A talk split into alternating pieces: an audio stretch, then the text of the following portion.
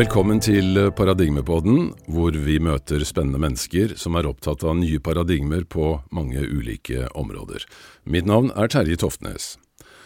I dag sitter jeg sammen med en særdeles spennende dame som driver med noe som jeg alltid har syntes hørtes både speisa ut, men allikevel utrolig fascinerende. Anne Maria Honstad, du er dyretolker. Velkommen. Takk skal du ha. Du, dette er jo et, um, et, litt spesielt fagfelt, for å si det sånn. Um, jeg har jo forstått at det er flere som driver med dyretolking. Men um, jeg får bare spørre deg sånn helt i starten, kan du veldig kort forklare hva det egentlig er? Ja, en dyretolk eh, er jo en person som jobber eh, med å kommunisere med dyr. Mm. Eh, og det gjør jeg via at jeg går dypere, på dypere plan. Altså, jeg mhm. snakker jo ikke med et dyr sånn som vi mennesker snakker vårt språk. Så det vil si at jeg går inn i mer et energispråk mm. eh, og henter inn informasjon som dyret kommer med. Eh, jeg kan godt forklare litt hvordan jeg gjør det. Ja, gjerne. gjerne. Ja. så, sånn som jeg jobber, da, så er det sånn at en dyreeier kontakter meg. Ja. Eh, så er det kanskje en atferdsproblem med hunden, at den kanskje har endret atferd, at den kanskje begynt å tisse inne eller forandrer seg, så at eier ikke da får eh, Kjenner ikke igjen dyret sitt eller får noen utfordringer. Eh, ofte så er det jo sånn at de først går til dyrlege, men når de ikke da får noe hjelp og den støtten de trenger, så kan det hende at de velger en dyretolk. Okay. Og det jeg sier da, er at de må sende meg et bilde. Ja. Eh, jeg får navnet på dyret, eh, jeg får navnet på eier, ja. Eh, og så jobber jeg via dyret. Nei, bildet. Beklager. Ja. Via av telepatisk kommunikasjon. Så jeg går inn i en meditasjon. Mm. og henter inn dyret i noe som jeg kaller mitt hellige rom. Mm. Og så skriver jeg ned all informasjon jeg får. Eh, den informasjonen deler jeg til eier i ettertid eh, via telefon. Så snakker vi sammen om innholdet. Eh, og så til slutt så pleier jeg å ta en kopi og sende hele samtalen over mm. når vi er ferdige. Mm. Ja. Det er prosessen i det. Du, dette her er utrolig spennende. Men um, før vi går videre inn i det, så må vi bare si litt mer om hvem du egentlig er også. Ja. uh, jeg har jo forstått at du også har uh, i en, hvert fall en, en, del av livet jobbet uh, inn i en annen bransje med grafisk design, stemmer det? Ja, det stemmer. Så du har på en måte en, en kunstnerisk, uh, kunstnerisk, bakgrunn også? Ja, jeg er utdannet grafisk designer uh, og, og, kunstner. Eh, så har jeg jobbet på Scandinavian Design Group. Og så har jeg drevet Maria Design, som har vært mitt eget designbyrå ja. i 20 år. Mm. Men hvor lenge har du drevet med, med, dyretolkning? Det har jeg så å si gjort eh, egentlig hele livet. Jeg var jo, har jo elsket dyr alltid. Eh, alltid omgitt meg med dyr. Mm. Både ville og tamme dyr. Hatt hund og hest og katt i alle år. Mm -hmm. eh, ridd mye. Mm men alltid søkt dyrene, dyrenes verden. Så, så, på et tidlig stadium så forsto jeg at dyrene var noe mer enn bare dyr. Mm. For meg så har de vært hele livet. De har hjulpet meg gjennom livet, eh, og jeg forsto ganske tidlig at de hjalp på et, et, litt annet nivå. Altså en hund er jo mye mer, den jobber på relasjonsnivå, da. Mm. Ikke sant. Den er din beste venn, og du kjenner, kjenner at du liksom betyr noe mer når du er sammen med en hund, f.eks. Mm -hmm. Så litt sånn Jeg forsto tidlig at dyrene hadde mye mer å si, da, til meg. Som f.eks. en hest jeg hadde, som var veldig sånn sprek og energisk. Mm. Og da fikk jeg jo jobbet mye med min egen tålmodighet. Eh, og det, det, skrev jeg mye om. Jeg forsto at liksom den jobber på et nivå med min Eh, uthold, eh, utålmodighet, da. Mm -hmm. Forklarer det kanskje litt dårlig, men eh, også en, et annet dyr, så, så, kunne jeg skjønne at jeg jobbet med en annen side av meg selv. Mm. Så begynte jeg å bli litt uh, nysgjerrig på dette her, og så tenker jeg at ja, jeg må finne ut hva er dette her for noe. Er det jeg som er litt rar, annerledes, eller er det noe i det? Mm. Men du ja. fikk, tok da en utdannelse i dette, stemmer ja. det? Ja. Og det kan man gjøre her i Norge? Ja, vi har, eh, vi har en eh, skole som heter Flammehuset, som er eh, Norges eldste dyretolkskole. Mm -hmm. Den ble startet av en som heter Astrid Mo, men hun lever ikke i dag. Fantastisk pensum og kompendie. Mm -hmm. Så den, den, har jeg tatt. Det tok fire og et halvt år okay. å ta den skolen. Men håper jeg, hva lærer man på en dyretolkskole? Altså, I fire og et halvt år? Ja, nei, det, det, er litt avhengig av deg selv som person. Noen uh, kan bruke fem år, noen kan bruke Ja, de fleste er ikke under fire år. Mm -hmm. uh, men noen kan ta ti år, og, og, det kommer an på hvordan du er som menneske. Og hvor, hvor mye du trenger å vokse i deg selv. For dette er jo en, egentlig en selvutvikling. Det er en selvutviklingsprosess. Ja, ja. ja. Så jeg ble jo veldig overrasket selv. Jeg trodde jeg skulle komme dit og snakke bare med dyrene på det fysiske plan. Mm -hmm. Men det forsto veldig lett, eh, nei, raskt at dette handler om mye mer. Det handler om deg og dine, din relasjon til dyrene, til omverdenen, følelsesplan. Mm. Så det er en lang selvutvikling å jobbe med dyr. Så du jobber egentlig i vel så stor grad med deg selv, altså? Ja. Absolutt. Masse med deg selv. Ja. ja. Men, eh, men, altså Det å forstå at det går an å kommunisere med dyr, må da bety at dyr har et mye Skal vi si mer et mye sterkere både følelsesliv og intellekt, kanskje også, enn en det vi eh, får inntrykk av når vi er sammen, i hvert fall sånn oss vanlige dødelige, holdt jeg på å si. Mm. Uh, vi opplever jo dyrene som veldig kjærlige og trofaste, i hvert fall altså, husdyr som hunder og katter. Da, ikke sant? Jeg har selv hatt begge deler. Mm. Og men jeg har jo alltid lurt på hva de egentlig mente om forskjellige ting. Du klarer jo å tolke en del av kroppsspråk og sånn, men jeg har jo ofte tenkt at det hadde vært utrolig interessant å vite hva den bikkja egentlig tenker. Uh, men det går det altså an å finne ut? Ja, for dyrene de har jo også følelser. Mm. Det har vel Jeg tror det har begynt å, å vise seg at det, i forskning at det, det, er sant. At de faktisk har følelser. At det kommer fram mer og mer. Mm. Men i en samtale så, så, er det mye informasjon som er på følelsesplan. Ja. Altså hvordan dyret har det kan mm. komme fram. Eh, hvordan dyret har det i relasjon til eh, eier eller mennesket sitt. Og i relasjon til andre dyr. Mm. Naboen, f.eks. Naboens katt. Okay. Sånne ting. Eh, men veldig mye om eh, liksom sitt liv og eh, relasjonen i livet sitt til eier. Er, så eier får jo mange gaver i sånne samtaler. Ja. Til å kunne øke forståelsen av, av samholdet og dyret. Og motsatt. Det går begge veier. Så det er okay. det som er så fint med det. Så man får tak i, i, det ubevisste. Det som ligger under, som vi kanskje ikke ser her og nå. Mm. Så det er jo det som er budskapet i en dyrekommunikasjon. Mm. Noen ganger så kan det jo komme ting som også er vanskelig på følelsesplan, som dyret kan fortelle om. Og det som er litt morsomt, da, er jo at ikke sant, hvis du sitter overfor et menneske, og du, du, ser at dette mennesket kanskje har en del utfordringer eller problemer i sitt liv, så vet du at det er jo vanskelig å snakke om ting. Mm. Mennesker er jo mer sammensatt i flere lag, eh, og ofte i forsvar eh, overfor seg selv. Fordi det er vanskelig å kjenne på ting. Mm. Mens via dyrene så går du rett inn. Fordi de, okay. de jobber jo i kjærlighet. Eh, og det er mye lettere å kommunisere med enn et menneske. Så hvis for eksempel jeg forteller noe som kanskje kan være litt vanskelig for eier å godta at sånn er det, ikke sant. Jeg har jo dyr som forteller om alkoholisme, ADHD-barn. Ikke okay. sant? Sånne, altså forteller om altså, ja, kan, Hvordan da, liksom? Det kan komme fram i en samtale. At eh, ikke sant, en hund som snakker mye om flasker og alkohol i hjemmet. Og sånn. ja.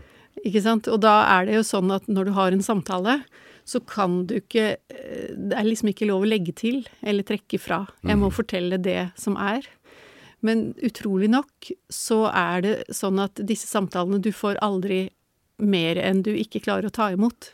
Okay. Altså til eier. Og det, det viser seg gang på gang. Altså at eieren er veldig de er veldig gode til å ta imot den informasjonen som dyret kommer med. Og det er jo det som er så fint med det. Fordi at når et kjæledyr ditt sier noe som kanskje er litt vanskelig, så når det hjertet ditt umiddelbart, istedenfor at et, kanskje en terapeut eller et samboer eller et menneske skal sitte og fortelle noe. Så er det vanskeligere. Men altså, denne samtalen hvordan, altså, hvordan mottar du denne informasjonen? Det, hører du ting, eller altså, er det ord, eller er det bilder? Altså, fortell litt om det. Ja. Eh, jeg går inn på litt forskjellig nivå. Noen ganger så I starten av en samtale så tar jeg bare imot det ytterste laget. Det som på en måte jeg kaller fri flyt, hvor jeg bare tar imot all informasjon som kommer. Som ligger helt ytterst. Hvis du ser for deg en løk, da, så er det det ytterste ja. som kommer. Og, og hva, er oftest, hva, er det som oftest, er der? Det kan være hva som helst. Det kan være litt sånn om uh, at det liksom det kan være om hagen ute, hunden som kanskje forteller om hvordan det ser ut, og så kan det plutselig eh, være en kontra. Så kommer det en via-informasjon som kan være til eier, som eier kjenner seg igjen i. Ja. Så kan det kanskje snakke litt om katten som bor i samme hus som man ikke er så glad i. Ikke sant? Sånne ting. Så det er alt mulig. Fri flyt er bare hva som helst som kommer.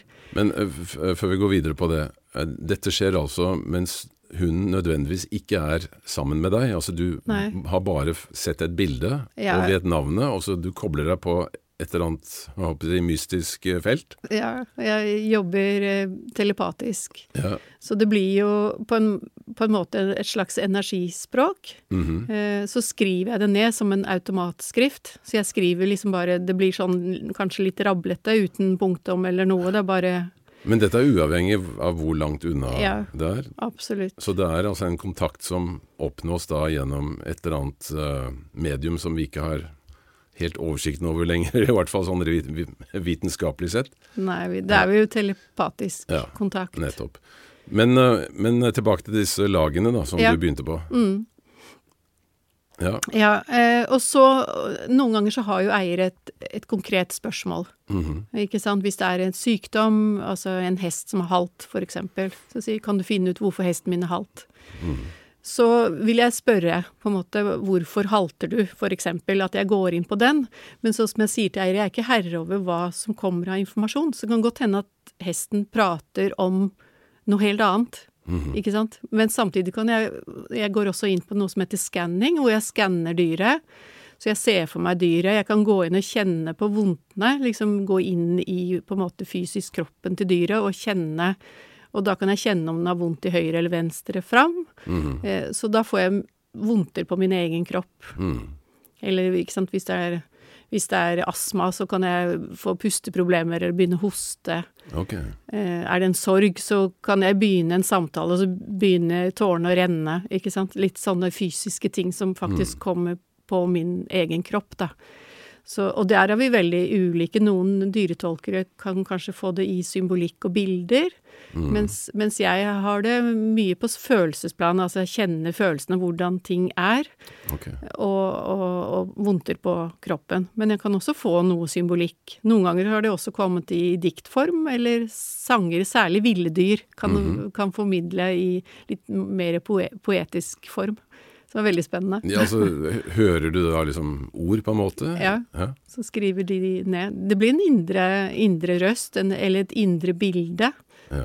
Eller en indre film, ikke sant, som jeg bare formidler ned på et eller annet mm. vis. Men du, uh, det blir kanskje mye informasjon, nei, nei, nei, dette er kjempefint. Men jeg må bare avbryte litt av og til og spørre. Fordi eh, det som jeg tenker på, i hvert fall hvis, uh, hvis du hadde gjort det for min hund mm. Altså, man har jo det som kalles sunn skepsis. Ja. Sånn at jeg hadde nok ganske tidlig i Eh, kontakten vært ute etter å, å, få en eller annen form for bekreftelse ja. på at dette var helt reelt. Altså at du f.eks.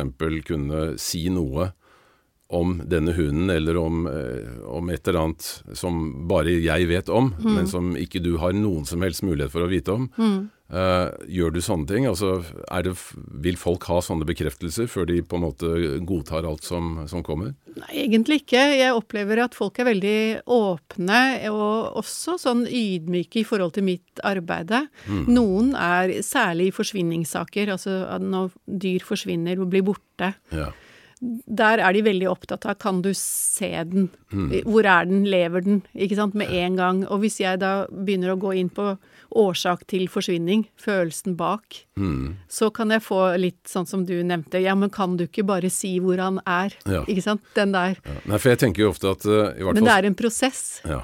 Det er et arbeide som må gjøres, og vi må, som jeg sa, denne løken må skrelles lag for lag. Mm. Og noen ganger så er det så mye informasjon som skal ut først, før vi kommer inn til selve kjernen Ja. av det hele. Og det er der gaven ligger, eller blokkeringen er, på en måte. At vi må bakenfor. Og da Ja, Ja. unnskyld. Nei, jeg kom inn. Eh, nei, jeg bare tenkte at altså øhm, Jeg har jo vært på en del sånne seanser med altså, folk som da kanaliserer avdøde, f.eks. Ja. Uh, og det er jo ofte uh, Man blir litt sånn slått av at uh, informasjonen som kommer fram, er ofte veldig generell. Sånn at ja, det er Jeg ser en gammel bestefar her, han har hvitt hår, ikke sant. Ja. Han sier at han er veldig glad i det, men at han har det bra. ja. Ikke sant? Og det er jo ikke så veldig verdifullt, egentlig. Sånn at jeg tenker jo også altså, Hvis hunden sier at ja, jeg har det fint, men jeg liker ikke maten min, liksom. Det er ting som du Ja, nå er jeg litt sånn kanskje litt slem her, men det er ting som er veldig lett for deg å, å kunne si, da. ja. Ikke sant? Selvfølgelig. Uh, sånn, det er derfor jeg spør om det er det mer sånne helt konkrete ting som, som du kan gi av informasjon, som på en måte er helt unike. Jeg tenker at jeg jobber i tillit til det som er. okay. Og så er det det som kommer, som er rett. Hmm. At jeg alltid tenker uansett hva som kommer, så er det det du skal ha Okay. som mottaker, som eier. Det er dette dyret forteller om. Mm. Og noe mer enn det kan jeg på en måte ikke gi der og da. Eh, selv om jeg kanskje tenker noe annet, eller har lyst til å si, eller at jeg kjenner på noe annet. Men det står faktisk ikke her Ok. eh, nedskrevet på det jeg har. Så da gir jeg den informasjonen. Og så er det litt opp til meg og eier sammen, så snakker vi litt om det. Og så kan det kanskje åpne noen nye dører. Nå kommer det noen åpenbaringer på Wow, dette nå, nå skjønner jeg hva hunden min snakker om. Mm. At det går på det nivået, da. Eh, Men noen ganger så, så skulle jeg Hvis jeg har tatt en samtale, så kunne jeg ønske tenkt Nei, dette her kan jeg jo ikke. Dette er jo sånn lettvektersamtale. Ikke sant? Litt den du snakker om Ja, hun vil ha en grønn matskål istedenfor en blå. Ja. Og så syns den at maten er litt eh, ikke så veldig god, ikke sant. Hmm. Og det er jo ikke noe sånn du har veldig lyst til å lese opp for eieren, fordi eieren betaler jo for denne samtalen, og du, du tenker at uh, dette er noe som alle kunne ha sagt. Ja. Uh, men så handler det om tillit, da. Til at ja, hvorfor skal denne informasjonen komme fram? Så kan vi begynne å lete litt, og så jobber vi også med symbol. Symbolforståelse, drømmetydning. Og noen ganger så kan en dyresamtale være som en drøm. På en måte at du går ned i underbevisstheten, du får tak i en, en informasjon som ikke er i dagen. Og en blå matskål kan være mye mer enn en blå matskål. Mm. For da kan vi gå inn på hva er blå for deg? Ikke sant? Hva betyr blått for deg? Hva er matskål? Ikke sant? Hvorfor har den plastikk og ikke metall? Og så videre skal vi grave litt, og så begynner ting, og så blir, blir det brikker som detter på plass. Så blir dette et helt puslespill som eier allikevel får noe ut av og forstår. Det er det som er spennende. Men øh, hvis vi tar f.eks. tema hunder. Mm. Hva er det de fleste hunder er opptatt av å, å formidle? Relasjon. Relasjon. Ja. Relasjoner i familiemønster. Relasjon i familien til den som hun lever sammen med. Altså ikke bare mellom hunden og mennesket, men også menneskene imellom? Ja. Ok, Så Ja. den forteller om relasjoner mellom mennesker i den nære kretsen? ja. Ikke bare mellom seg og menneskene? Nei, den kan ta hele alt som den på en måte lever i. Hvis du tenker deg som en energi, da, så Ja. lever det som den hunden lever i, i den energien, så kan den informasjonen komme fram hvis det er viktig at den kommer fram. Hva kan f.eks. si da? Den kan f.eks. si eh, at det er en ubalanse i familien. Eh, kanskje den forteller om den yngste sønnen, som kanskje trenger å bli sett litt mer enn kanskje familien for øvrig forstår at, den ikke, at ikke de gjør, da. Eller at den, den kanskje speiler den minste gutten i familien, eksempel. Kan, og det er jo veldig spennende, eh, og da jobber vi på følelsesplan. Ok. Ja. Så den, altså hunden har en, en utstrakt evne til å observere Eh, Ja. Altså følelsesmessige eh, Ja. relasjoner, emosjonelle relasjoner mellom menneskene. I en familie. Mye mer enn det vi eh, vanligvis Mye mer enn vi tror. Mm. Altså, jeg husker når vi hadde hund. Den døde for et par år siden. Men da var det sånn at uh, hvis det hendte at Ragnhild og jeg hevet stemmen litt overfor hverandre noen ganger Det Mm. kan jo skje i et uh, parforhold at man tar Stort litt i av og til. Ja, ja. Da ble den veldig uh, urolig og løp ofte Altså den lå jo ofte oppe i en sånn hjørnet av den ene sofaen. Da Mm. hoppa ned på gulvet og løp ned i første etasje. Det ville den ikke være med på, Nei. liksom. Så det var tydelig at den Altså Når den følte på at det var noen negative vibber, så Mm. Men vi tenkte at det er liksom så langt det strekker seg. Men du sier at det går mye lenger. Den kunne Ja. fortalt mye mer om oss da, kanskje. Ja, den fortalte jo egentlig det at dette her trenger dere ikke holde på med. Jeg vil heller gå og legge meg i fred og ro. Ja. Så kanskje dere begge to egentlig trengte litt fred og ro. Mhm. At dere, kanskje en av dere skulle ha gått og lagt dere og hvilt dere litt. Altså så tydelig, så sterke speil kan det være. Ok. Ja. Uh, Istedenfor at man da på en måte sitter og krangler og kjekler om ting som kanskje egentlig er helt unødvendig. Mm. Men man, ikke, man forstår ikke at, at uh, dette blir en litt sånn dårlig energi. Men hunden forstår det. Mm. Den kjenner det og tenker at dette vil ikke jeg være en del av. Så den går ut av det. Ja. Mm. Så den viser egentlig at det beste her er å gå ut av det. Mm. Ikke sant? Hvis den hadde hoppet opp i fanget kanskje på en av dere, så, så ville den kanskje ha sagt at det er dette mennesket vi må ta vare på nå. Det er dette mennesket som har det vondt. Ikke sant? Okay. Ser du ikke det? Ser du ikke meg, hva jeg gjør for noe? Okay. Eh, mens den andre står kanskje og kjefter, eller er, ikke sant? Litt sånne ting. Disse speilene, så dyrene. Så hvis du lærer å lese dyrene, så kan du liksom Du kan bruke det som dine egne speil, og følge og se hva er det som skjer nå. Ikke sant? Så hvis hunden din blir stresset, da, så kan du peke innover mot deg selv. What's in it for me? Mm. Så kan du kjenne ok, det er jo jeg som er stresset. Så len, lene seg tilbake og puste litt ut, for hunden sier bare ifra. Ikke sant? De, de responderer på det som er her og nå. Akkurat. Ikke sant? Så jeg hadde en katt en periode når guttene mine var små. Eh, Det var en stor, gul, tjukk hannkatt. Og når klokken ble sånn, hvis vi ble sittende i stua og skravle litt for lenge og barna skulle ha lagt seg sånn, så gikk denne katten. Så først så kom hun bort, og så stelte den seg litt foran oss og prøvde å ta oppmerksomheten. Og så gikk den ut, ut av stua og opp trappen og hele veien opp i sengen. Yes. Ja, så fulgte han den ene sønnen, og så fulgte han den andre sønnen. Så den var sånn uh, pus som fortalte at nå er det sovetid. Utrolig. Ja, så det er liksom disse tingene man kan lære, og det er det som er fint på en del av disse kursene òg. Det er ikke alle som går der for å lære å bli dyretolk. Det er de færreste. De okay. fleste går for å lære kommunikasjon med dyr. Og snakke med sine egne dyr. Ja, og forstå dyret sitt mer. Og det er det det handler om. Altså den relasjonen mellom dyr og eier, eller eh, meg som menneske og ville dyr i naturen. Mm. Forstå at det er så mye mer. Altså, Mm. man kan få gaver på veien, da. Men uh, hvis vi går over til dette med ville dyr i Mm. naturen. Altså når du er ute og plukker blåbær oppe i eh, Dalom, og så møter du Bamse Brakar, som eh, kan virke litt morsk. Kan du begynne å snakke med han? Ja, jeg tenker at hvis jeg hadde møtt en bjørn, så tror jeg kanskje jeg hadde blitt redd først. Gått i, i, i, i sikkerhet. Men jeg har jo møtt masse ville dyr, eh, ja, så det, det kan jeg. Um, jeg har snakket med Jeg tror jeg har 48 ville dyr som jeg har plukket ut i en bok jeg holder med, på med, Oi. av samtaler. Eh, så det er jo alt fra rev og eh, ørn og Mm. fugler, eh, orm, hoggorm, Hoggorm også? ja. og, og dyr i havet.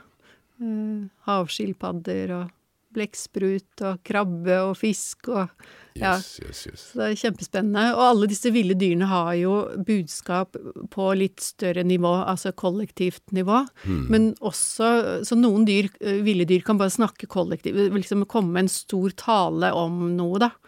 Eh, som er veldig spennende. For eksempel? Eh, jeg har med en, en som jeg har kalt Elgens bønn, som jeg, jeg kan lese den opp etterpå. Ja. Eh, som, som er fra en elgokse jeg møtte i skogen. som, som, bare kom i en form av en, som en bønn, som var veldig, veldig vakker. Mm. Eh, eller så er det en ugle, for eksempel. Han, det handler ofte om kunnskap. Altså det å forstå sin indre kunnskap Mhm. eh, gjennom livet. Ikke sant? Det minner deg på det. Eh, eh, rådyr kommer ofte med kjærlighet. Mhm. Eh, det, ikke sant? Og det og hvis du f.eks. er trist og lei, og så går du i skogen, og så plutselig står det et rådyr rett foran deg, så er det litt sånn hva er det du kjenner på da? Stopp opp og kjenn. Hva er det du kjenner da? Og hvis jeg går hjem og tar en samtale, så handler hele den samtalen om kjærlighet til meg selv, fra familien min, kanskje en påminnelse fra mor, litt sånne ting. Så, så ja. De er De jobber på et dypere nivå. Men, men det du sier nå er jo også at uh, disse dyrene har sannsynligvis en mye større grad av bevissthet enn det vi Ja. eh, vanligvis tror. Altså når du begynner å nevne krabber f.eks., Ja. som vi ser på som bare dyr, altså en, en skapning som lever av rent instinkt. Mm, mm. Eller Men krabber kan også kommunisere, sier du. Altså hva, hva er krabber opptatt av? For? Ja, nei, den, den krabben som jeg snakket med, den, den fortalte jo litt om hvordan den levde på bånn der nede. Ja, hvordan da? Eh, Ja, hvordan den f.eks. beveget seg, at den hadde Det som var litt så interessant, eh, hvis jeg husker riktig nå, så var det sånn at den fortalte om at den egentlig hadde bare et veldig lite område i livet sitt som den trengte for å ha det bra. Altså et lite fysisk område? Ja. ja. Et veldig lite område. Den hadde liksom et par steiner den var i nærheten av. Og den beveget seg bare rundt der, og så tok den på en måte imot det som strømmet mot den i sitt liv. Altså da kan du tenke deg det liksom plankton, det var- alt som kommer forbi det Ja. lille området. Så, Så, det var den veldig stasjonær? veldig stasjonær, og den okay. levde der. Og den hadde alt den trengte i sitt liv for å ha det bra. Og så snakket den litt generelt om hvor liksom Hvorfor skal vi ha så mye mer i livet? Hvorfor, hvorfor jager vi etter mer når vi kan ha alt vi trenger på et lite område? Så det var litt sånn tosidig samtale om det å overleve langt der nede i, i havet, ikke sant? Samtidig som den da kommuniserte på et litt større nivå til meg som menneske. Ja. At kanskje jeg burde se på ting uh, på en litt annen måte. Ikke favne så stort, være fornøyd med litt mindre. Vi har alt vi trenger, Yes. bla, bla, bla. Litt den der, da. Veldig spennende. Altså, jeg er litt opptatt av krabber, for jeg har øh, gjennom Vi har en hytte på Sørlandet, og vi har jo hver eneste sommer så er vi jo da ute og altså lystrer krabber, da, eller tar krabber, som de sier den øh, nede ved at du går ut om natta med en lommelykt og plukker krabber som kryper opp uh, på fjellet. Eh, og så putter vi de oppi en svær sånn sankekiste, og når da dagen kommer, så tar vi de ut av den sankekista hvor de har fått litt fisk, og så putter vi de oppi kokende vann. Og det er jo alltid følt at det der er jo egentlig ekstremt brutalt, å putte levende dyr oppi kokende vann. Eh, og så husker jeg en gang, eh, som jeg, jeg drev tidligere i, i livet med sånn sportsdykking, så jeg dykket ned på en sånn ti meters dyp, og da var det akkurat som det var en slags sånn hylle, nesten som en sånn bokhylle i fjellet. Og der satt det altså en sånn åtte-ti krabber tett i tett ved siden av hverandre. Ja. Akkurat som de Og liksom bare speidet ut i, i, i vannet. Og akkurat som de hadde et møte, ikke sant.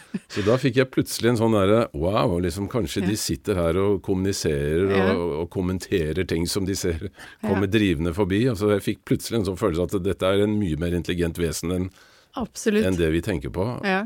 Og så etter det har jeg alltid hatt veldig dårlig samvittighet når jeg har puttet disse krabbene opp i, Mm. dårlig, i kokende vann. Ja, det skjønner jeg, men det er jo litt fælt akkurat den måten for oss mennesker å se dyr dø på, Ja. eller krabber. Eh, eh, Men så er det jo også liksom litt større mening med det hele. Så jeg tenker i en sånn sammenheng, selv om jeg på en måte jobber med dyr, så er jeg jo ikke imot at Jeg spiser jo kjøtt, jeg gjør det. Mm. Så dette kan bli en spennende debatt, da. Men, men, men, men eh, jeg tenker altså Hvis du ser på én krabbe, krabbe enkeltvis, så vil jo kanskje ikke den kommunisere på en måte på et nivå hvor, hvor at det er dårlig gjort at den dør, men da ville jeg tenkt på sjel, hele sjelen til krabben. Mm. Ikke sant? At Så det er, krab, krabber har sjel. ja, at det er en større gruppe, da, sjelsgruppen til krabben, som har en betydning. Eh, og dyrene er her også for å være mat til oss mennesker. Ikke Ok. sant? Vi begynner jo med plantene, og uten Mm. planter så har vi jo ikke mat. Mm. Og dyrene spiser plantene, og vi, det er jo denne eh, altså, det er jo egentlig næringskjeden som vi snakker om. Altså det er en del av det å leve og det å være på jorda. Det er jo en utrolig brutal ja. virkelighet. At Det er det jo for eh, dyrenes verden nå. Man må spise hverandre for å overleve. Det er jo sånn det funker. Ja, ja. Ja, det er brutalt. Og fiskene spiser jo også krabber, ikke Ja. sant. Du har jo sikkert fisket en fisk som var full av Oh, yes. krabber i magen. Torsken var full av krabber, ja. Ja. Mm. Så jeg tenker det viktige er når du, når du kanskje Eller det ville jeg ha gjort, da, hvis jeg fanger, fanger fisk eller krabber, eller om det er blåbær i skogen, så takker jeg skogen Ja. for det jeg har tatt. Og så prøver jeg ikke ta mer enn jeg trenger. Da er det liksom krabbens visdom. Mm. Kanskje ikke du skal ta flere krabber enn det du akkurat trenger. Mm. Du trenger kanskje ikke 100, men du trenger kanskje akkurat til den dagen til familien din. Mm. Så vi må være litt nøysomme med hva vi forsyner oss av i naturen. Og da tenker jeg det også med dyrekommunikasjon, så forstår du Du forstår liksom nivået av det, det å liksom ta av naturen, at naturen er en del av deg. Så hvis du tar for mye, så tar du egentlig Så er du, kan man si, grådig. Da tar man for mye. Man trenger ikke det. Ikke sant? Man trenger å se det i et større perspektiv, kjærlighetsperspektiv. Mm. Forstår, du forstår Ja, hva jeg ja, mener? ja, i høyeste grad. Ja. dette- jeg syns jo dette er helt fantastisk, fordi altså, dette er jo egentlig innsikter og visdom som vi mennesker hadde for uh, tusenvis av år siden, Ja. eh, og som urfolk fremdeles har i dag. Ja. Eh, eh, vi hadde jo en veldig spennende film på NRK her for bare noen få dager siden med denne unge norske modelldamen, Alexandra Ørbekk Nilsen, som vandret gjennom Nam Namibia Ja, sammen med to Fantastisk. to eh, innfødte, for å si det sånn, Ja. og hvordan de også tydeligvis hadde en helt annen respekt for natur Ja. enn det som vi vanlige vestlige mennesker har. ikke sant? Vi ser jo Mm. på naturen bare som en sånn ressurs som vi bare kan ja. uh, grådig forsyne oss av uten Ja. Så jeg mener, hvis vi hadde fått tilbake denne respekten Mm. og denne innsikten, så, så ville kanskje ikke miljøproblemene på denne jorda vært langt på langt nær det de er, f.eks. Nei, jeg er helt enig. Bare som en effekt av det. ja. Nei, jeg tenkte jeg skulle se ferdig den serien. Jeg har begynt på den, men jeg tenkte, det er helt i tråd med hva jeg jobber med, er hvordan man kommuniserer med dyrene og plantene. Jeg kommuniserer jo også med planter. Jeg, Ja. Og det, det er jo egentlig ikke Det er egentlig ikke noe viktig om det er et dyr, eller om det er en plante, eller om det er et menneske. Det er noe med at man kan kommunisere med en stein òg, for den saks skyld. Men det, det- ikke sant? det er noe med at man for, må forstå at det er større bevissthet rundt det hele, da. Ja. Ikke sant? At alt har en bevissthet. Alt er jo på en måte en del av deg, og et levende materiale. Eh, og liksom det du Så ikke sant, når jeg lever sammen med dyret mitt, så er det like mye meg som dyret ja. i energi. Ikke sant? Det blir som en pingpong. Ikke sant. Ja. Ikke sant. Så dyret, hvis du lærer deg å kommunisere med dyr, så kan dyr sende informasjon til deg også. Altså nå er det ikke greit her i hjemmet. Nå må vi gjøre noe. Og i noen ganger så er det sånn at dyr rømmer hjemmefra fordi de har et budskap å formidle. Okay. Så da, når et dyr forsvinner, så går jeg alltid inn på årsak til forsvinning Mm. og se på det. Fordi der kan det være et viktig budskap. Og da er det sånn at eh, det, det blir liksom så prekært, da. At dyret ser ikke noe annen utvei. Dette er jo litt sånn i gåsetegn, ikke sant, enn at det, det går sin vei. Men det, hvis du tenker at det er energi, så blir den energien så eh, prekær, altså sånn uh, kaotisk energi, eller at det liksom motpoler, da, som gjør at du dytter bort den andre, ikke sant. Ja. Ja, og da må den vekk, og så kan man liksom hente dyret inn igjen og si hva er dette for noe? Og så kommer liksom budskapet fram som en gave. Så kan man lese, forstå denne gaven i, i, i sammen med eieren. Og så kan eieren si ja, sånn er det, dette er riktig, akkurat sånn jeg kjenner. Wow, har, det, har liksom katten min fortalt det? Ikke sant? Og så forløser saken, så kommer dyret tilbake. Mm. Så langt det ikke er dødt, da Ja. at det har skjedd en ulykke på veien. Og det samme er det jo med en hest som f.eks. er halt. Når den får, får formidlet budskapet sitt, så kan den slutte å halte. Mhm. Fordi den blir halt fordi det er så stor ubalanse. Okay. Ja. Men det kan jo også være en seneskade, men da kan jeg kjenne det som en skade og si at vet du hva, jeg tror dyret ditt har en fysisk skade, du må kontakte dyrlege og be den sjekke høyre framben, for Mm. Så kan man finne fram til skaden, hvis den ikke er tydelig. Ja. Men eh, ja, jeg syns Nå rota jeg meg litt tilbake igjen, da, til Nei, dyrene. jo, jo, nei, men det er kjempespennende. Ja. Um, hvis vi for eksempel, da snakker om dyr som vi har ofte hjemme. Mm. Uh, hunder, katter, kaniner, kanarifugler. Uh, alle disse kan, kan man da kommunisere med, ikke sant? Mm. Men f- ja, kunne du si noe generelt? Altså, kan hunder fortelle andre ting enn det katter kan, eller uh, vice versa? Eh, kan kanarifugler fortelle noe? Kan papegøyer? Altså, de snakker jo faktisk. Men, uh, men har de forskjellige karakteristikker, liksom, i uh, sin måte å oppleve verden på? Nei, egentlig så kommer mye Altså mye kommer jo i en informasjonsform, altså eh, Men det som skiller de ulike artene og dyrene, er jo at jeg vet for eksempel alltid at når en katt snakker, mm. så snakker den fra solar, altså mage, fra selvstendighet.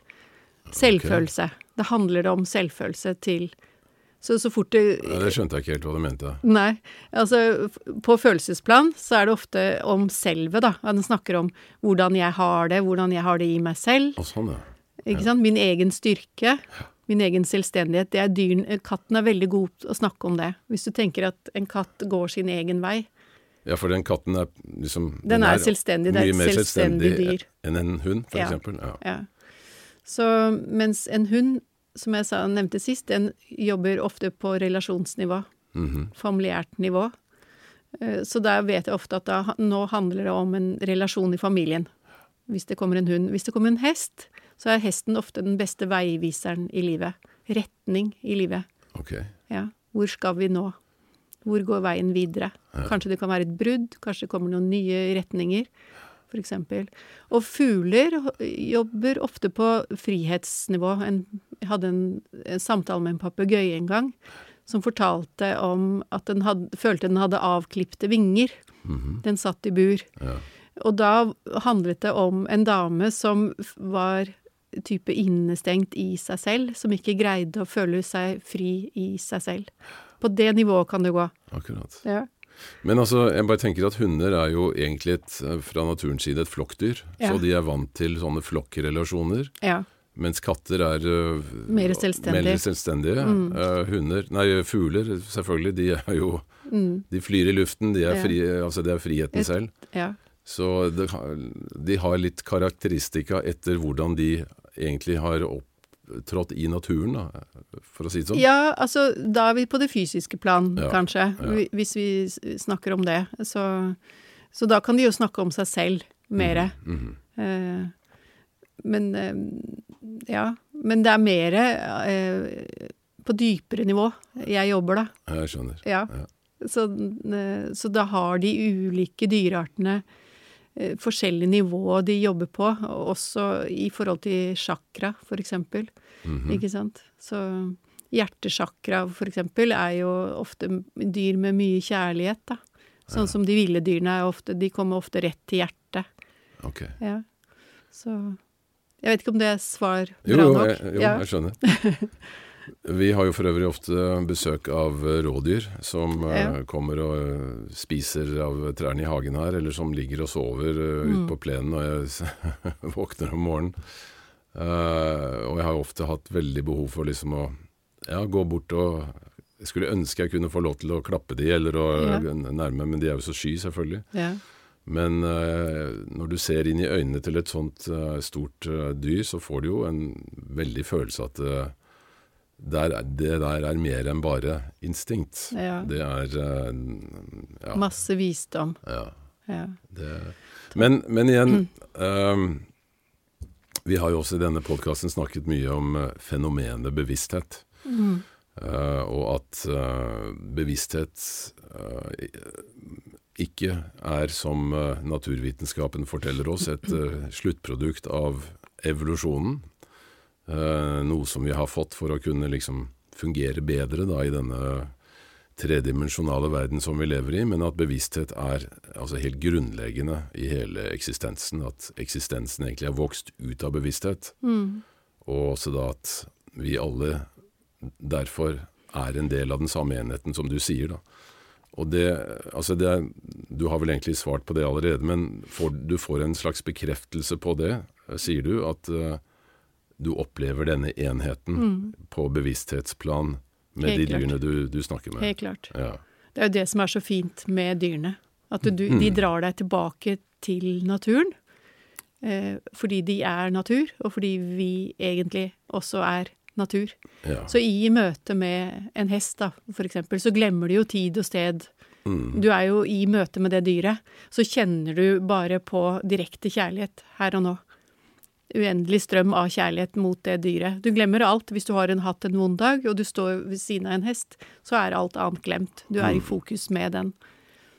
Eh, Og en hest er også et Det er kanskje det sterkeste speilet du har. Så hvis du responderer på noe, eller du reagerer, er du stressa, så er jo hesten stressa med en gang. Ikke sant? Det går ikke an å sitte oppå en hest og ri en hest hvis du f.eks. er i dårlig humør eller er i stress. Så responderer den. Er du redd, så blir den redd. Og Det er derfor det er så bra å bruke hest i terapi til, i- til, til mennesker som sliter litt. Ikke sant? Med, med mennesker med bistandsbehov, eller handikappede mennesker. Mm. Eller folk som går på, på drugs og skal tilbake. De er jo veldig Har stor, stor hjelp av hesten. Ja, jeg var jo faktisk eh, og lagde en dokumentar en gang om eh, oppe på EKT, rideskole oppe på Ekeberg, Ja. Eh, hvor de driver med terapiridning for eh, funksjonshemmede barn spesielt. da. -hmm. Og hvor du kunne se eh, hvordan disse barna på en måte ble Det skjedde noe med dem når de Ja. kom opp på hesteryggen. Det var helt fantastisk å se det samspillet. Ja, for du blir, du blir liksom Det er nesten som hvis du tenker litt sånn avatar. Du connecter deg til det dyret. Og så blir du liksom en del av dyret. Og jo, hvis du, de som driver med ridning, det vet vi hva det handler om, for da blir du liksom i ett med dyret. Og så kan du få en sånn flow. For liksom du, hesten gjør akkurat det du tenker, nesten. Ja. Ikke sant? Eller omvendt. Det kan gå begge veier, da. Mm. Det er jo utrolig fin følelse. Og det er jo sikkert det hvis du går med en hund også. Mm. Går på fjellet, og du kan liksom plystre inn hunden, og den gjør akkurat, og den venter, og den sitter, og den Ikke sant? Den der Mm. dialogen som du har med det dyret, og den, det tillite Ja. som det dyret har. Ja, det er fantastisk. Nå er det jo faktisk gjort uh, mye altså Innenfor parapsykologien så er det jo gjort uh, ganske mye forskning på hvordan dyr er i stand, spesielt hunder, er i stand til å oppfatte når eieren er på vei hjem. Ja. Uh, han er veldig kjent engelsk biolog Rupert Sheldrake har gjort uh, en serie med sånne studier, Ja. hvor han kunne altså påvise med vitenskapelig godt eh, gode metoder at når eieren bestemte seg for å reise hjem fra f.eks. kontoret, selv om ikke det var altså, til den vanlige tiden, så gikk hun og satte seg da enten ved vinduet eller foran døra og ventet, fordi den visste at det da om, om et kvarter så kommer den, ikke sant. ja.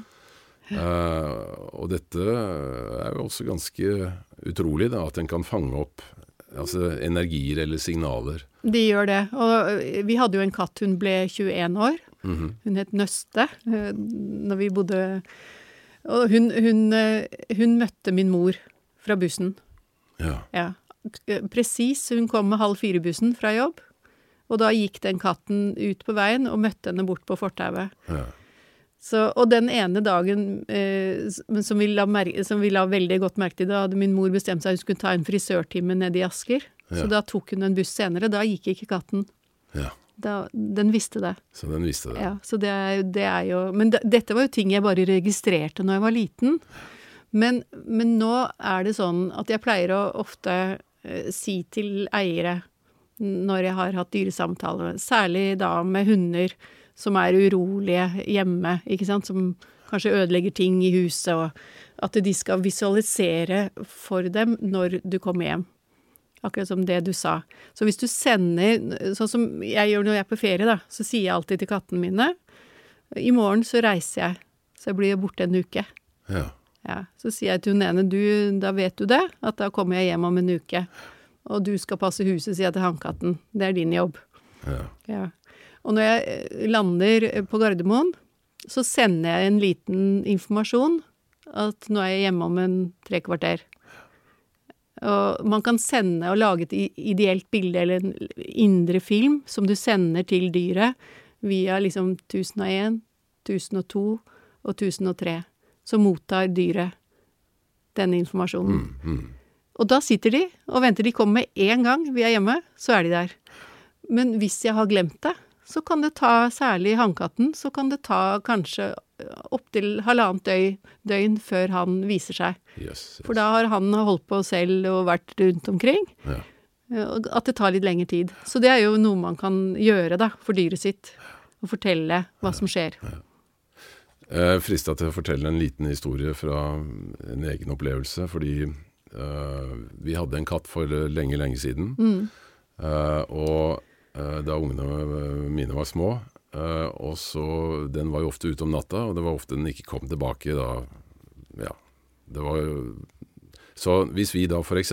skulle reise av gårde på ferie eller et eller annet sted, og måtte ha med den, mm. og den ikke var inne Det var helt nytteløst å gå ut og lete etter den, for den kunne være hvor som helst. Så ved et par anledninger i hvert fall, så sa jeg at ok, vi prøver nå å bare sette oss ned sammen. Så holder vi hverandre i hendene og så prøver vi å visualisere, fordi den hadde sånn katteluke i døra som ja, kunne komme inn. Så prøver vi å tenke hardt på at, å se for oss at den katten kommer inn av katteluka. Ja, bra. Akkurat sånn er det. Ja, og de gangene vi gjorde det, så tok det altså ikke mer enn to-tre minutter, så hørte vi pling, plopp, så, så kom den inn. Ja. Det var, altså det var, Jeg fikk helt sånn gåsehud ja, første gangen det skjedde. Ja. Sånn så, er det. Sånn fungerer det. Det er kjempefint. Da ja. kunne du det? Da visste du hva ja, du skulle nei, altså, gjøre? Var, jeg hadde vel sannsynligvis lest et eller annet sted at det ja. var, noe sånt. Men eh, Nei, så det var veldig uh, utrolig, altså. Men jeg, jeg, kan jo sitte hjemme så tenker jeg liksom Å, hvor er, hvor er pusten min? Ikke sant? Jeg har en hundkatt som er litt sånn Vi er litt sånn mm. duo. Og da, så da, da, er det nesten bare så vidt jeg har rukket å si det, så sier det klikk, klikk i katteluka, så kommer hun. Mm. Der er du, ja. Ikke ja. sant? Da har hun fanget det opp. Ja. Mm. Men eh, tilbake til denne, eh, skal vi si, denne skolen eller dette kurset du gikk på. da. Mm. Var det en form for mentaltrening? liksom Hvordan du skulle trene opp denne evnen til å, mm. å hopp, si, skape denne kommunikasjonen? For det må jo være altså Nå prøver jeg å se det fra et litt sånn vitenskapelig ståsted. da. Ja. Hva er det egentlig som skjer? Altså Hvordan kan vi formidle informasjon? Eh, på lange avstander eh, til et helt spesifikt individ. Uh, altså, det, altså Vanlig naturvitenskap vil jo selvfølgelig avfeie det og si at det, dette er bare ren og skjær tilfeldighet. Det, det, sånne ting finnes ikke. Mm. Og derfor så, så, er jo de ja, altså Innenfor parapsykologien da, så er jo dette mye mer ak akseptert. For mm. der, mm. der uh, sier man at uh, det er altså felter, subtil form for informasjon, som kan formidles uh, over uh, uendelige avstander, egentlig, men det er spesielt der hvor du har en relasjon da, til mm. mottakeren. Mm. Altså Vi har jo et uh, fenomen som heter non-local entanglement. Mm -hmm. Som viser hvordan altså faktisk kvanteobjekter kan være koblet til hverandre over mm. store avstander. Det en, uh, det ble, dette her ble jo oppdaget på 80-tallet av en franskmann, mm. Alain Aspect, som, uh, som, fikk nobelprisen i fysikk for dette her i 2022, faktisk. Mm. Mm. og han mener jo da at det er også Hvis du ser på, på verden fra et rent sånn kvantefysisk ståsted, så er altså all informasjon eh, det som man kaller for holografisk. Altså all informasjon om alt er egentlig eksisterende overalt. Ja. Men det er helt avhengig av hvordan du tuner deg inn. Det er nesten som å skru på altså på søkeren på en radio, ikke ja, sant? Ja, så søker du det. Det er jo litt sånn. Det er veldig bra ja, altså, forklart. På, på en, I en radio mm. den, altså, All informasjonen fra alle forskjellige radiokanalene, de, de er til stede, mm. men du er nødt til å skru inn på den. Du er nødt til å tune deg inn på den. Mm. Er, det, er, det, en god analogi? Ja, veldig fint. Veldig fint bilde. Så jeg pleier okay. ofte å si det hvis jeg har foredrag eller på mine kurs også, at du ser for deg at du er en radiosender. -hmm. Ikke sant? At én eh, er senderen, og én er mottakeren.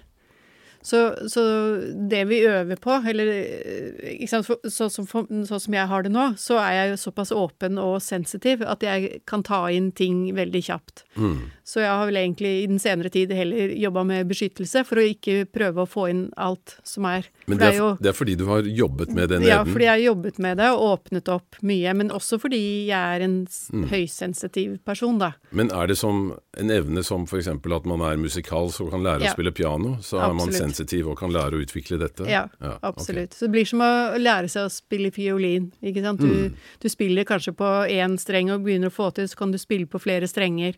Altså at du kjenner med kroppen din. Mm. Uh, hele, ikke sant? Du kjenner med emosjonene dine. Du kjenner det i hjertet ditt. Uh, ikke sant? Og, og, og, du kan også høre på en måte med din indre stemme, eller at du får indre bilder. Så dette er jo sanser som vi ja. mennesker har. Eh, og noen har de mer utviklet enn andre. Mm. Noen har de medfødt. Men de fleste Jeg vil jo påstå at alle mennesker er egentlig utrustet med det. Mm. Men så er det jo opp til enhver om man velger å bruke det, og om man kan bruke det. For det, mm. noe kan jo være mindre utviklet hos noen. Sånn er det jo bare. Altså, alt mulig annet, da. Ikke sant? Men så du må ha, bare for å si det ferdig, mm. du må være empatisk. Ja. Du må ha empati. Og mm. være glad i, i dyr for mm. å kunne kompensere. Hvis du ikke liker dyr, så mener jeg det kanskje er vanskelig å komme dit. Ja, det, sier jo seg selv. Ja, ikke sant? Jeg snakket uh, nettopp med en som, for, som, hadde den teorien om at uh, hvis vi spoler tilbake til den tiden hvor vi drev og jaktet uh, i flokk å, ja. på dyr, ikke sant, for mm. å, å, overleve, så, så, var det sånn at uh, når, Hvis det var tre jegere da, som var ute for å, å prøve å, å fange et dyr, så idet man nærmet seg dyret, så kunne man ikke altså, snakke verbalt. Nei. Så da uh, hadde, hadde, man da en evne til å kommunisere telepatisk. At du går der, og så går du der, ja. og så nærmer jeg meg sånn, ikke mm. sant. Og nå Sånn at, uh, at denne evnen til telepatisk kontakt med mennesker som du har nære relasjoner til, er noe som faktisk ligger latent i ethvert menneske. Ja, ja. Men i vår vestlige kultur, hvor vi har mobiltelefoner istedenfor, eller bruker ja. vanlig språk, så, så, er det altså Vi har ikke brukt den evnen på lang, lang tid. Nei. Vi nærmer oss, tenker jeg. Vi, er, vi begynner jo å bevege oss. Ja. Ja. Nå så jeg her på nettet plutselig at det var en sånn liten printer. Du kan kjøpe en sånn bitte liten printer, og så kan du koble den til telefonen din, og så kan du printe ut det bildet ja. rett foran deg. Altså, mm ikke sant? Ja. Eller hvis du ringer til meg, altså hvis vi begge to hadde tuna inn på hverandre, ja. så kunne du ha ringt til meg telepatisk. Så okay. kunne jeg kjenne og, og, ta imot hva du egentlig har å si. Mm. Men denne, dette verktøyet er jo denne telefonen eller disse ledningene eller alt det vi har. Men jeg tenker på sikt så vil vi, hvis vi jobber i denne utviklingen, så vil vi være der. Ja. ja. Hvis vi tenker Jeg vet ikke, men det er jo det jeg eh, altså, du mener at hvis, hvis, vi jobber med å utvikle disse evnene Ja, så vil vi kunne kommunisere på de ulike nivåene. Ja. Altså dette er bare verktøy imellom, på en måte. Ikke sant? Ja. ja. Tror jeg det. Altså, det er jo en gammel visdom. Den er jo der. Ja, den, er den har alltid vært der. Ja. Eh, sånn som på den filmen som du snakket om med hun, ja. hun som har bodd sammen med denne familien i Var det A? Ja, så det var i Namibia. Ja, Namibia. Det var, det var ja. to, eh, altså to sånne uh, menn da, fra uh, ja. ur, urfolksstammen, altså fra ja. det sandfolket som hun gikk sammen med. For de lever jo der, de er jo i kontakt med naturen. så det handler jo om å være i kontakt med naturen og seg selv som menneske. Og forstå at vi har den muligheten og de evnene. Og det er jo det jeg gjerne vil, at folk skal forstå via dyrene ja. og naturen. At vi har den muligheten selv i dag, tror når du, vi lever som vi gjør. Tror du det er derfor også at uh, nordmenn er så glad i å gå på tur i naturen? Fordi ja. at uh, den energien og den skal vi si, subtile kommunikasjonen som altså, De kjenner. De kjenner. Vi kjenner det på en eller annen måte, ja. så det gjør noe godt med oss. Ja, vi vet det egentlig, hvis, men vi vet det innerst inne. Og det er jo det som kanskje er det store med dyrekommunikasjon også. Altså, jeg vet egentlig, men jeg blir jo like like overrasket og like entusiastisk for hver eneste samtale. Ikke sant? Kan komme løpende ned og bare 'Vet du hva, liksom, nå ikke sant? Mm. Ta helt av på Og så er det sånn men, så, men, det er egentlig bare fordi jeg får en bekreftelse på at det er sånn. Mm. Ikke sant? Mm. Det, jeg husker meg selv. Husker opprinnelsen. Vi husker historien. Vi får tak i hvem vi er. Alt det der. Som er så flott. Men Via dyrene. Og planter. hva kan dette bety for f.eks. Dyre, dyrevelferd? Ja, altså noen Jeg tenker at noen dyr kan jo formidle eh, kollektivt eh, hva som er lurt å gjøre og ikke gjøre, ikke sant. Så jeg hadde en samtale med en bie, for eksempel, som forteller om hvor viktig arbeid den gjør. eh, for eh, med, med eh, Hva heter det sånn eh, Hånd, altså samle ja, Pollinering. Pollinering, Ja, ja. Og, og at, at, at det er liksom den som er gullet. Det er ikke honningen som er gullet, men det er bien som er gullet. Den hadde en sånn kjempe Jeg skulle nesten ha lest den opp for deg. Men, men det kommer jo en bok etter hvert, så her Ja. eh, Yes, spennende. Ja. så, så man kan kanskje få lest disse samtalene. Men, men bien var jo veldig klar på uh, miljøet og hva, den, hva disse dyrene gjør for oss, ikke sant. Um, Men jeg tenker på øh, Kan du oppleve når, hvis dyr har det vondt, altså at de øh, Altså for, for Ta et litt sprøtt eksempel, da. Men hvis du hadde stått ved siden av en laksemerd, øh, hvor det sa svømmer øh, 300 000 laks tett i tett i tett, rundt og rundt og rundt hele dagen, ville du kunne fanget opp noe der? Ja. Jeg kunne ville kanskje fanget opp eh, at sant, at det, det kunne komme kanskje ord, ikke sant, men det, det er også ting du kan se. Eh, så det noen ganger er det vanskelig fordi du står, så ser du, og så vet du ikke hva som er hva. Oh, ja. Ikke sant? Men, men eh, helt klart altså, at, at dyr kan fortelle at de har det vondt. eh, At de lider, at det er trangt og får ikke puste. Ikke sant? De kan komme med sånne historier. Helt klart. Men det er jo Men så er det det at, at dyr, de har en helt annen eh, måte å fortelle ting på enn oss mennesker. Fordi vi har et intellekt som på en måte sier at sånn burde det være, eller ikke være. Mens et dyr lever i unik og liksom Altså, den har så lojalitet til det den er i, eller i en kjærlighet til det den er i. Så det er akkurat som på, på en måte at den ikke helt forstår på ett nivå at det kunne vært annerledes. Ok. Kunne vært sånn eller sånn. Den har ikke noe særlig referanse? Nei, for den er her og nå. Ikke sant? Den kan fortelle at den er sulten, eller at det gjør vondt, eller ikke sant? Du kan kjenne på smerte, kjenne på angst, sånne ting. Ja. Men ikke liksom Den på en måte kan jo ikke dømme en situasjon. Det er jo forskjellen på mennesker og dyr. Så bare for tilbake til den laksen da, som er født til å svømme i rundt og rundt og rundt sammen med titusenvis andre, den, Den svømmer til den ikke kan svømme mer. ja, men den, den vet jo ikke egentlig om noe annet. Nei, den gjør ikke det. Så den er jo lojal oppi det den er i, og gjør så godt den kan i forhold til det. Og spiser når den får mat.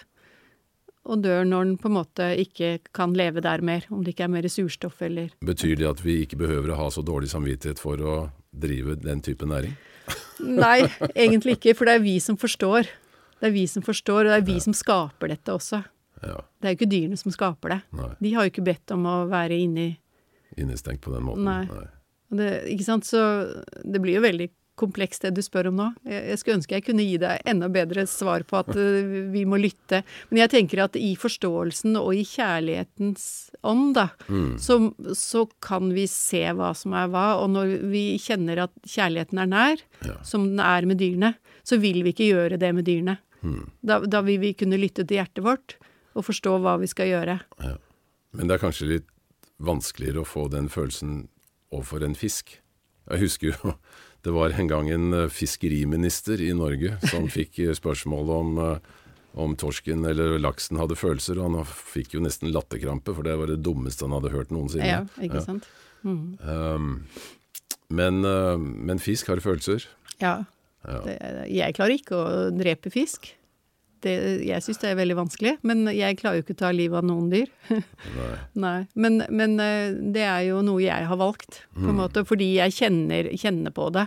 Altså jeg har til og med vært der at jeg har liksom trådd på blomster, og så kan jeg liksom plutselig ikke trå på meg-følelsen, ikke sant? ja. Særlig når jeg var gravid, så var jeg ekstremt sensitiv for sånt. Og da var det sånn liksom gikk rundt i hagen og tråkket Ikke sant? Du kunne høre liksom nesten blomstene snakke til deg. Eh, og det, det høres jo ut som man kanskje er litt eh, ikke du- helt frisk, men, men, men jeg mener jo at det er der. Ja. Ikke sant? Hvis du lytter, så er det der. Ja. Eh, Men du klarer å klippe gresset og sånn? jeg, er mannen klipper gresset. men, Ja. eh, Nei, men altså, jeg, det, jeg må innrømme det at uh, jeg er også blitt mye mer sensitiv for sånne ting, på, spesielt på mine eldre dager. Ja. Uh, da jeg var eh, i 20-årene, så var det veldig kult å dra med faren, med faren min på rypejakt og skyte stakkars eh, små fugler som prøvde å beskytte seg. Nå syns jeg det er helt horribelt, så jeg, jeg, har, jeg klarer ikke tanken på det engang. Så, men um, Men man skal jo ha respekt for det, og da, Ja. da tenker jeg at da kjenner du egentlig på den genuine kjærligheten som ligger Mm. også fordi du vet at du er en del av naturen. Mm. Du er en del av dyrene, og dyrene er en del av deg. ja. Så det er jo noe med det, at man nå er i kontakt med det, så tenker jeg at da vil vi håndtere, sånn som det med laksen, du vil håndtere de annerledes. Mm. Fordi du vet at du vet bedre, da. Du får kontakt med det. Mm. Så Men igjen tilbake til det du sa innledningsvis her, eller ganske tidlig, da, at uh, altså, naturen er jo laget for at vi på en måte uh, skal forsyne oss av den, men at vi må gjøre det med ydmykhet og, og innenfor Vi må ikke ta mer enn det vi, vi har behov for. Nei. Så, eh, men det er klart at eh, for da ødelegger vi for oss selv. Ja. Ja. Ja, så eh, det er vel det at eh, grådigheten har vel tatt litt overhånd. overhånd. Uh, og jeg er tilbake til disse krabbene som jeg snakket om. Mm. Uh, vi har jo vært ute noen netter og, og, og tatt uh, 100 krabber, og så klarer vi ikke å spise opp mer enn 20, ikke sant. ja. Men eh, Da hiv, hiv dem ut igjen. det, det er det vi har pleid å gjøre. Ja. Så da, den følelsen av å slippe de fri igjen er faktisk en enda mer fascinerende enn å, Ja. å plukke de opp, liksom. Ja, ja, ja. Helt klart. Jeg har en sønn som også dykker, eh, og han er jo veldig, blitt veldig flink. Når han var liten, så, så skøyt han jo alt. Han er fridykker og, med spyd. Ja. Fordi det var så fantastisk og gøy og Ikke sant? Spennende. Altså, Ja. Det er jo et sånt urinstinkt. Og det, ikke Ja. sant? Og det, jeg kjente jo det også selv når jeg gikk på jakt som uh, ungdom og, og tidlig voksen, at det, kribler i kroppen. Det er, Mm. det er en eller annen merkelig sånn følelse som våkner i deg. Som, Og det er jo naturlig, for vi er jo jegere, ikke Ja, sant. Så ja. hvis du tenker at det er naturlig, så er det jo ikke noe feil i det. Men, men øh, hvis man storfisker, så blir det jo feil. Eller hvis man går på jakt bare og sitter drikk, og drikker whisky i, i låveveggene og venter på elgen, så blir det veldig feil. Ja. Sånn som oppe hos oss, så vet jo alle at vi er glad i dyrene, så der pleier jegerne å ringe og si du Maria, nå er det Nå har de dessverre skadeskutt okay. en elg her, vi er nødt til å ta den. Ikke sant? Så da varsler de oss. Men det er veldig rart at de greier det hvert eneste år. Men hvis ikke så kommer jo jeg, da, og kan snakke med dem. Det sender jeg noen meldinger til, til dyrene som er rundt meg, og at nå må dere løpe til skogs. Nå er det jaktsesong. Det Så forsvinner de. Ja. Nei, men jeg tenker at man må, må Men det er jo det som er bevisstheten rundt det med dyr. Altså at hvis du telepatisk greier å kjenne hvordan et dyr har det, eller at du får en kontakt, Mm. så vil det øke forståelsen din Ja. og, og, og hjelpe både dyr og deg selv. Nei, altså jeg er helt overbevist om at eh, en sånn innsikt som du har, og det å kunne formidle at eh, dette faktisk er helt reelt, mm. det er jo egentlig utrolig verdifullt. Og når det gjelder å ta vare på denne planeten, som vi er i ferd med å, å å si, gjøre om til en stor søppeldynge, mm. så, mm. så er det jo ekstremt viktig å, å få en helt annen form for forståelse og respekt for at uh, naturen er vi ikke bare avhengig av, men altså vi er en del av den, og vi må forstå den på en helt annen måte. Men sånn helt til slutt, eh, hvis du skulle gi mennesker et råd når det gjelder deres egne husdyr, da, eh, hva vil du si? Sånn generelt. Eh, Jeg tenker at det er viktig å, å prøve å lese dyret sitt.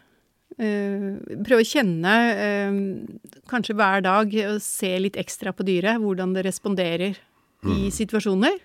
Eh, og hvis det drar seg til, så kan man lese hunden eller katten. Hvordan responderer den? For de, de reagerer jo på det som er her og nå. Men, men eh, jeg kan kanskje gi eh, eh, noen øvelser. I, den første øvelsen er Jeg tenker at hvis du tenker hver dag at At det er tilgjengelig med kjærlighet fra dyr og planter og natur, Mm. som strømmer mot deg, også fra dine egne dyr. De strømmer, det strømmer mot deg og når hjertet ditt hver dag, hvis du åpner opp for det. Uh, og i punkt nummer to så ville jeg kanskje tenkt takknemlighet. At uh, du hver dag sender takknemlighet og kjærlighet til dyret ditt, Mm. og til dyr du møter på veien. Eh, Og prøver å, at du åpner opp, så at den kjærligheten som strømmer fra dyret ditt til deg, når deg. Mm. Og kjenne etter hva, hva er det her, hva gir det meg nå? Det samme hvis du møter rådyret ditt i hagen i morgen. Mm. Så, så åpne opp og prøv å kjenne hva er det jeg kjenner i møte med deg. Det kan du gjøre hver dag. Mm. Og det siste er å forankre det. Altså at man, man connecter hodet ned til hjertet, og kjenner godt etter hva, hvordan dette strømmer mot deg. Eh, og så kan du i takknemlighet og kjærlighet da forankre det, og kjenne på din egen eksistens, og hvor fantastisk det er å være deg i det store og det hele. Og da vil du også kjenne på kjærlighet til dyret ditt, og til dyrene og til alt som er, Mm. tenker jeg. Det er tre veldig fine øvelser som er fint å gjøre. Utrolig bra. Ja. Ja, du um, Dette syns jeg har vært uh, utrolig spennende, Anne Maria. Um, hvor kan man uh, få tak i deg? Eller hvor kan man eh, lære mer om det du driver med? Jeg har en egen, et eget firma som heter animaenergi.no, så der er det informasjon om meg på nettet. Mm. Jeg tar jo dyresamtaler, så det er jo bare å kontakte meg der. ja, eller hvis, Eller man har, hvis man har mistet eh, Hvis katten har stukket av og ikke vært hjemme på to uker, så det, ja, jeg jobber jo også med forsvinning av dyr, ja. så da er det bare å kontakte meg. Så da går jeg inn og, og hjelper til å finne dyret. Mm. Utrolig. Så- Ja. Ja. Nei, ja, det, dette her kunne vi sikkert snakket eh, om i en, enda en time, men Ja, har vi snakket en time alt? Jeg syns det har gått fort. Så jeg tror eh, vi bare runder av. Og Ja. eh, jeg må si jeg syns det er så fascinerende. Og jeg skulle ønske jeg bare hadde visst enda mer, eller visst om dette på et tidligere stadium. Fordi med alle de Vi har jo hatt både katter og bikkjer i, i husholdningen, både hjemme hos mine foreldre, og jeg har hatt det selv også. Og jeg har alltid følt en viss sånn connection, men eh, at den kunne gå mye dypere, det, det skulle jeg gjerne ha visst tidligere. Ja, men da skal jeg ta jeg, jeg kan snakke med den avdøde hunden din, som du nevnte for meg, for det som en gave, som en takk for at jeg har fått lov til å være med i din podkast. Ok. Så det kan jeg ta i etterkant, så skal du få den. Mm. Ja, tusen takk. Jo, det er bare hyggelig. Ok, men da sier vi i hvert fall eh, så langt eh, Sier i hvert fall jeg tusen takk til deg, Selv takk. Anne Maria. Takk for at jeg fikk komme. Ja, stor takk til eh, Anna Maria. Og som hun eh, nevnte tidligere i podkasten, Elgens bønn, så fikk jeg en eh, lydfil av henne hvor hun har lest inn denne bønnen, som hun mottok fra en elg da hun var ute og red og møtte denne elgen i skogen. Som hun sier, så er det ofte hun mottar det som poesi, og da også på rim. Jeg var ute og red en deilig tur i skogen med min beste følgesvenn, hesten min Romanova, og møtte på en elgokse i Tanumskogen. Elgens bønn. Solen går ned, og solen går opp. Solen varmer min digre kropp. Jeg får aldri nok av livskraft og glede. Det er min styrke å ligge nede. I vente på nye muligheter som byr er jeg et veldig standhaftig dyr. Tvil aldri på din egen dømmekraft, for du er sterk, modig og ta din plass. La deg ikke føre hen av marken eller andre svik eller hevn. Du er den du er, og vil være kjærligheten nær. Så hvis du tør å åpne opp, og ikke si stopp for uendelig strøm av kjærlighet og bønn, vil solen skinne på deg igjen og igjen. Og gave og budskap fra elgen er at du har alt i ditt liv, og gaven er å se og tro på det. Ja, dette var jo vakkert. Og for fremtiden så kommer i hvert fall jeg til å se på ville dyr jeg måtte møte i skogen på en litt annen måte. Vel, til slutt vil jeg bare minne om et foredrag jeg skal holde den 6. desember. Det er altså nede i Sirevåg, eller på Okna, så de som bor i området der, altså mellom Stavanger og Egersund, er jo selvfølgelig hjertelig velkommen, det er på Okna scene. Den 6. onsdag 6. desember klokka sju.